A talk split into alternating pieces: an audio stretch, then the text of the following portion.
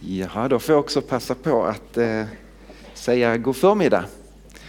Och eh, vi är ju där i den tiden på året där vi också får önska varandra ett gott nytt år fortfarande. Tänker jag för de som inte man har mött så här och en god fortsättning. Eh, det är ju spännande så här lite i början på året, januari och saker och ting liksom ska starta upp. Man kan ju bli lite vilse i pannkakan med, med helgerna och är det söndag eller är det måndag eller för mig har det varit söndag flera gånger den här veckan och vaknat upp och tänkt, men just det, det var ju bara torsdag eller vad det nu var för någonting. Men så kan det vara. Eh, blir det många söndagar så blir det också väldigt många måndagar. Och tänk vad underbart! Måndag med alla veckans möjligheter framför sig. Försöker liksom bara pumpa upp eh, förväntningar för veckan som kommer. Eh, januari är ju också spännande. Det är ju den här tiden på året där Kanske det är så att många försöker leva upp till de där löftena som man kanske gav på nyårsafton. Eller så är det så att eh, man ska försöka ta tag i det som man i slutet på förra året sa nästa år. Är det någon som känner igen det där? Det är lätt att skjuta fram saker och ting. Och säga, nästa år ska jag ta tag i detta. Nästa år ska jag bli bättre på och så vidare. Och nu var det nästa år. Men trösten är att det kommer ett nytt år nästa år också så att man kan fortsätta lite grann den hållningen. Eh, nej, skämt åsido, jag vet inte om jag har någon liksom, statistik att luta mig tillbaka på detta. Men jag lyssnade på radion igår en, en intervju med en eh, kvinna som driver ett stort eh, gym nere i Malmö.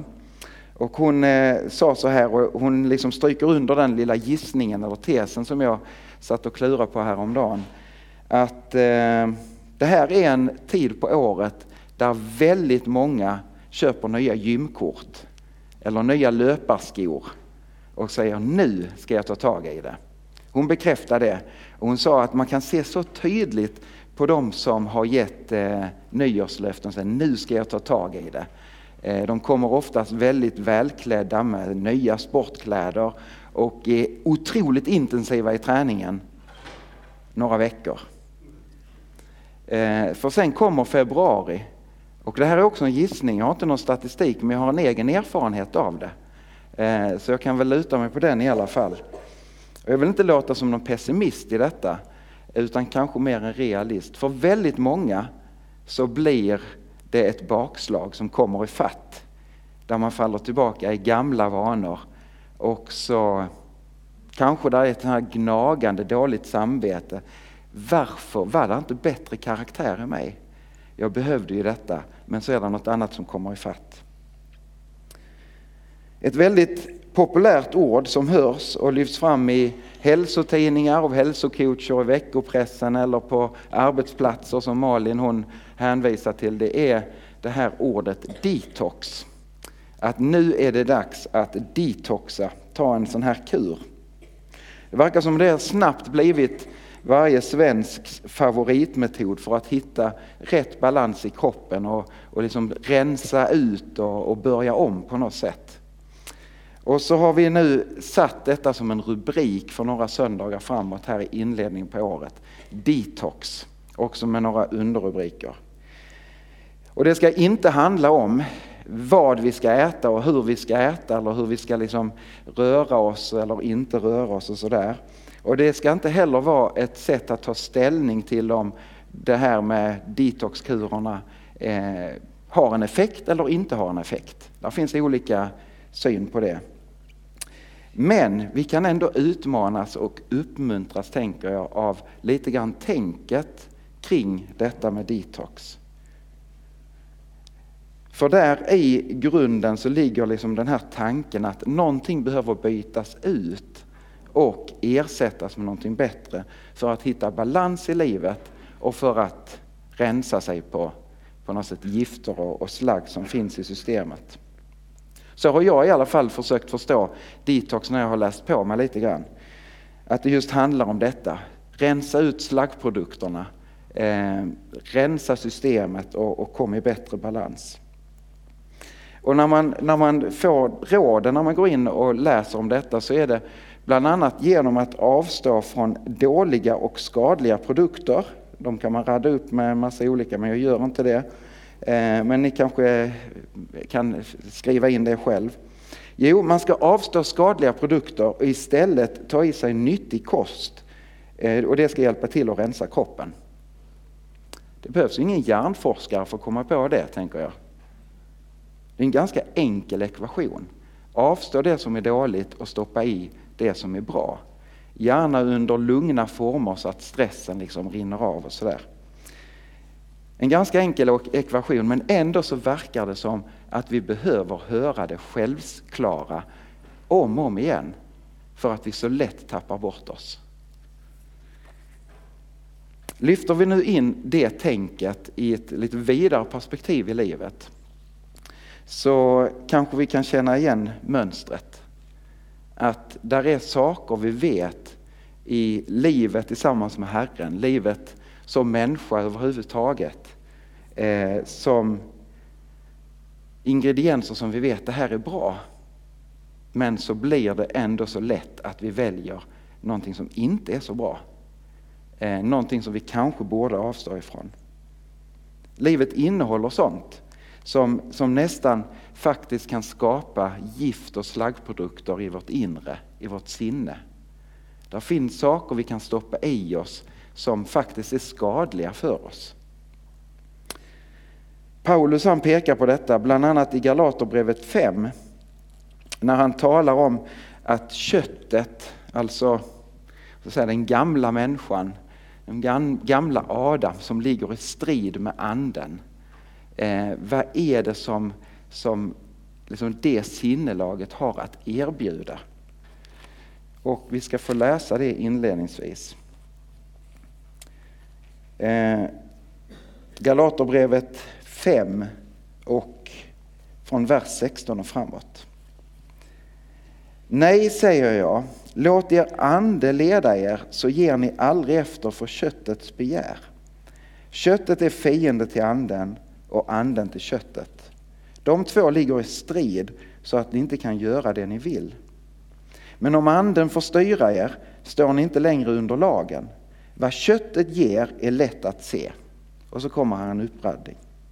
Otukt, orenhet, liderlighet, avguderi, trolldom, fiendskap, strider, ofördragsamhet, vrede, intriger, splittringar, kätterier, maktkamp, dryckenskap, utsvävningar och annat av samma slag. Än en gång varnar jag er, de som gör sig skyldiga till sånt ska inte få del i Guds rike. I min konfirmationsbibel, eller min bibel som jag läser mycket i hemma, så har jag skrivit eh, sidan om i det här stycket en beskrivning av dokusåpor. Eh, här är ingredienser som inte är bra, säger Paulus. Detta är inte bra att stoppa i sig. Det skapar slaggprodukter och gift i ditt liv. Men vi behöver liksom inte leta upp någon kanal på tvn och hamna i någon dokusåpa bara för att se att oh, det här var liksom nya företeelser. Detta har varit som ett, på något sätt ett gift genom mänsklighetens historia ända sedan syndafallet. Och vi kan bläddra upp i Andra Samuels bok och läsa om kung David till exempel. Många av de här ingredienserna eh, landade i hans liv och fick sig uttryck i hans liv vid olika tillfällen. Ett av de tillfällena är när han som, som kung går omkring i sitt palats och är uppe på, på någon balkong och tittar ut över staden och så ser han där nere på taket på ett hus lite längre bort en fantastiskt vacker kvinna, Batseba. Och det föds åtrå i hans liv som tänker, den kvinnan ska jag ha. Så han skickar något sändebud ner, kungen, och liksom kallar henne till sig. Och det slutar med att hon blir gravid och blir havande. Felet i den här berättelsen bland annat är ju att Batseba var redan gift. Och eh, David han får liksom stora själva när han får beskedet att, att, eh, att hon väntar ett barn. Men Uria, eh, Batsebas man, ligger ute i fält i ett krig som, som förs just nu. Så att, så att David han tänker, okej okay, hur ska jag komma runt detta? Och så börjar intrigerna, otukten och, och annat få genomslag. Och så tänker han, ah, ja just det, jag kallar hem Uria från, från kriget och så liksom han får komma hem till sin fru och så kan liksom han tänka att han blir far till det här barnet. Men eh, Uria hon, han kunde liksom inte tänka sig att gå hem i sitt hem när han är hemma på permission. Utan han lägger sig på gatan utanför och säger mina vänner är, ute i ett slag så då ska minsann inte jag gå dit. Vad gör David då? Jo, han eh, dricker Uria under bordet. Han fyller honom så han blir totalt redlöst berusad och försöker i det, och känner ni igen ifrån Paulus beskrivning, dryckenskap och annat som förstör. Och så försöker han få Uria liksom att på fyllan gå hem till sin hustru, men han gör inte det. Och då blir David förtvivlad. Hur ska jag kunna dölja det här misstaget? Vad gör han då? Jo, han sänder Uria tillbaka med ett brev som han själv får bära till sin överbefälhavare. Där David har skrivit, sätt Uria i de främsta leden så att han med säkerhet möter döden i nästa slag. Återigen hör vi hur köttets sinnelag har fått grepp i Davids inre på något sätt. Och så slutar den storyn med att Uria kommer att dö.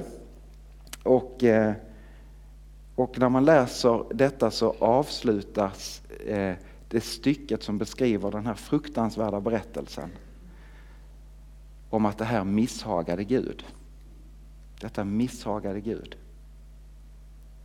Tänk er kung David, en man som vi ofta ser upp till och som vi talar väldigt gott om, gör denna fruktansvärda eh, alltså övertrampet i en annan människas liv.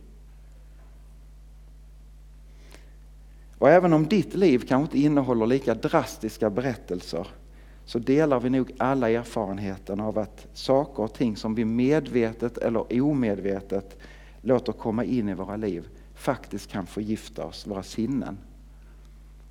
Kan det inte vara så? Sen utifrån det så kan det så lätt födas en känsla av, av en upplevelse av bitterhet, skam, skuld, sorg och sår. Och kanske David inte är helt ensam i världshistorien av att försöka liksom mörka det som blev fel och ljuga för sin omgivning och kanske också försöka ljuga för sig själv och stoppa undan.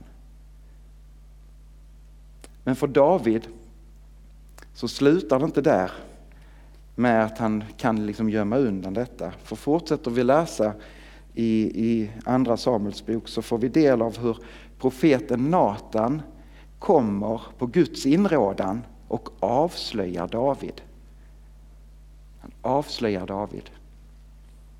Du har begått en fruktansvärd synd.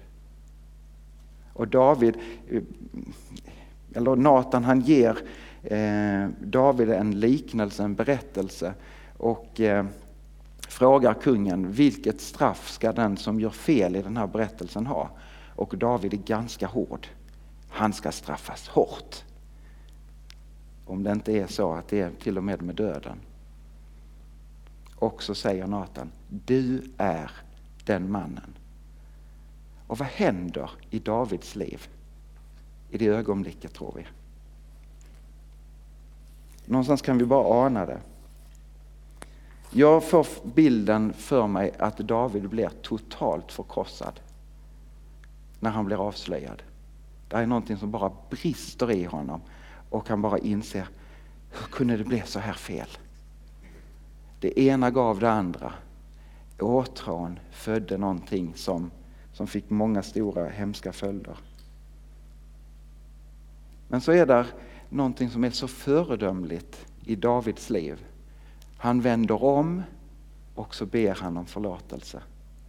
Och det är något som är så underbart när Gud liksom avslöjar David. Han gör det inte för att nu ska jag sätta dit dig, utan han gör det för att nu sa David, det är tid att vända om. Det är tid att låta min förlåtelse verka in i ditt liv. Så att det blir en, fören, en rening i ditt liv. Under de här veckorna som vi har framför oss så har vi tryckt upp en bibelläsningsplan så vi faktiskt alla kan följa utifrån de olika temana framåt, detox-temana, kan följa en och samma bibelläsning genom veckan. De finns ute i foajén och ta gärna en sån. Den ligger också på hemsidan. Men där är en strof, ifrån, eller egentligen dagens bibelläsning ifrån bibelläsningsplanen, är från Psaltaren 51. Och den salmen återger Davids uttryck och bekännelse inför Herren när Natan har avslöjat honom. Jag tänker att vi ska få läsa den tillsammans.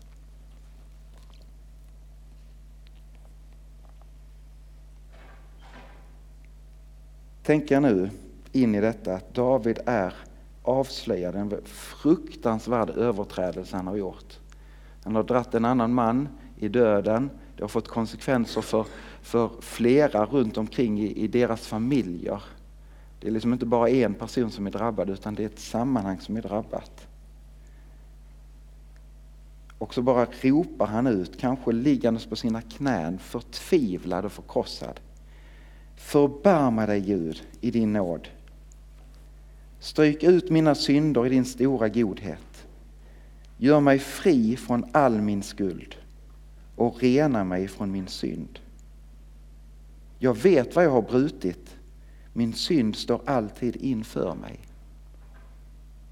Han hade kanske försökt dölja det för omgivningen och också för sig själv, men det gick inte. Hans synd var alltid inför honom. Det gnagde i honom. Mot dig, bara mot dig har jag syndat. Jag har gjort det som är ont i dina ögon. Och du har rätt när du ställer mig till svars. Den, du, den dom du fäller är rättvis. I skuld är jag född, i synd blev jag till i min moders liv. Du som älskar ett uppriktigt hjärta, ge mig vishet i mitt innersta. Rena mig med isop från min synd och tvätta mig vit som snö. Och låt mig få höra glädjerop och lovsång och låt den du har krossat få jubla. Den du har krossat. Här tror jag David ger uttryck för sitt förkrossade hjärta. Det var inte mer bevänt med mig än så. Vänd bort din blick, fortsätter David. Vänd bort din blick från mina synder och stryk ut all min skuld. Skapa i mig Gud ett rent hjärta och ge mig ett nytt och stadigt sinne. Driv inte bort mig från din närhet och ta inte ifrån mig din heliga Ande. Låt mig åter glädjas över att du räddar och håll mig uppe och ge mig ett villigt sinne.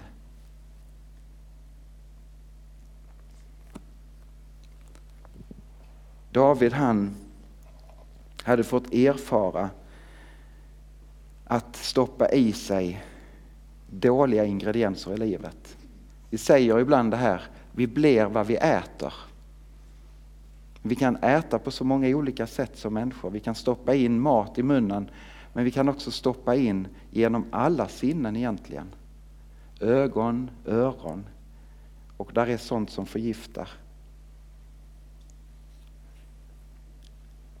Och så säger, säger David, rena mig, ta bort det gamla och skapa något nytt i mig. Skapa med din ande ett nytt och stadigt sinne. Och David är med om en sann detox. Han får ta emot förlåtelsen och slaggprodukterna får liksom rensas ut i det att Gud lyfter av det. Och så säger, ber David den här, låt sorgen få bytas ut mot glädje på nytt. David får möta Guds nåd och förlåtelse, så trots berättelsen om Batseba så kan vi tala om David som en man efter Guds hjärta. Han som fann behag inför Gud när han kallades som kung, som ung tonåring, som, som herde när han gick och vallade fåren. Han hade ett hjärta efter Guds hjärta. Men också han sprang vilse och stoppade i sig fel saker. Men Gud är en nådefull Gud som säger, nu börjar vi om igen. Det var en tröst och en räddning för David, men det är också en tröst och en räddning för dig och mig. För jag tror att vi alla sitter i samma båt, även om våra berättelser ser olika ut.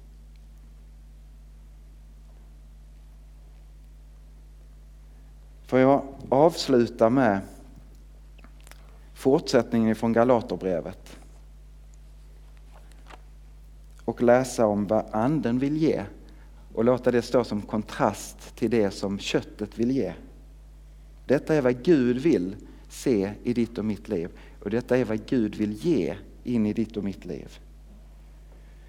Men andens frukter är kärlek, glädje, frid, tålamod, vänlighet, godhet, trofasthet, ödmjukhet och självbehärskning. Mot sånt vänder sig inte lagen. De som tillhör Kristus Jesus har korsfäst sitt kött med alla dess lidelser och begär. Du blir vad du äter. Jag såg bara på min kära kollega Karls skrivbord en bok som jag inte har läst men som jag vågar rekommendera ändå. Du blir vad du älskar. Bara titeln. Du blir vad du älskar. Om den andliga kraften i goda vanor.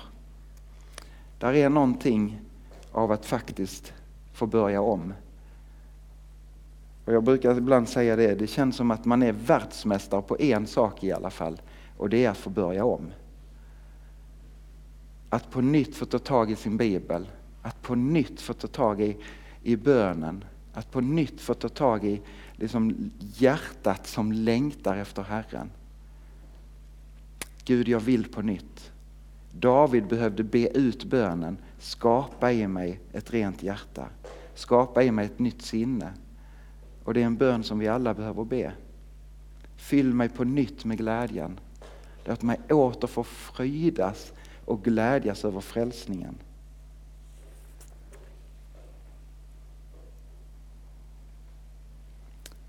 När David han fick ta emot hälsningen från Natan så kan vi, vi vet ju inte hur det gick till men, men någonstans så, så ser jag bilden av hur, hur David han bara faller ner. Och med ett förkrossat hjärta bara säger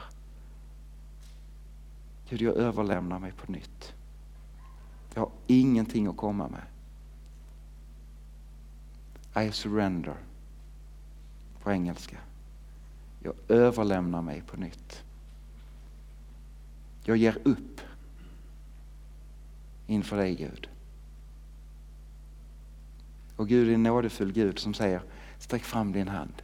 Kom nu reser vi oss på nytt. Nu går vi igen.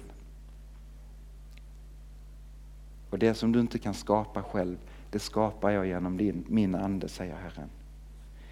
Det är en hållning som vi alla behöver inta. Jag överlämnar mig, jag ger upp inför dig Gud. Ska vi be tillsammans? Kära himmelske far. Tackar för att du är en trofast och nådefull Gud som inte ger upp på någon av oss.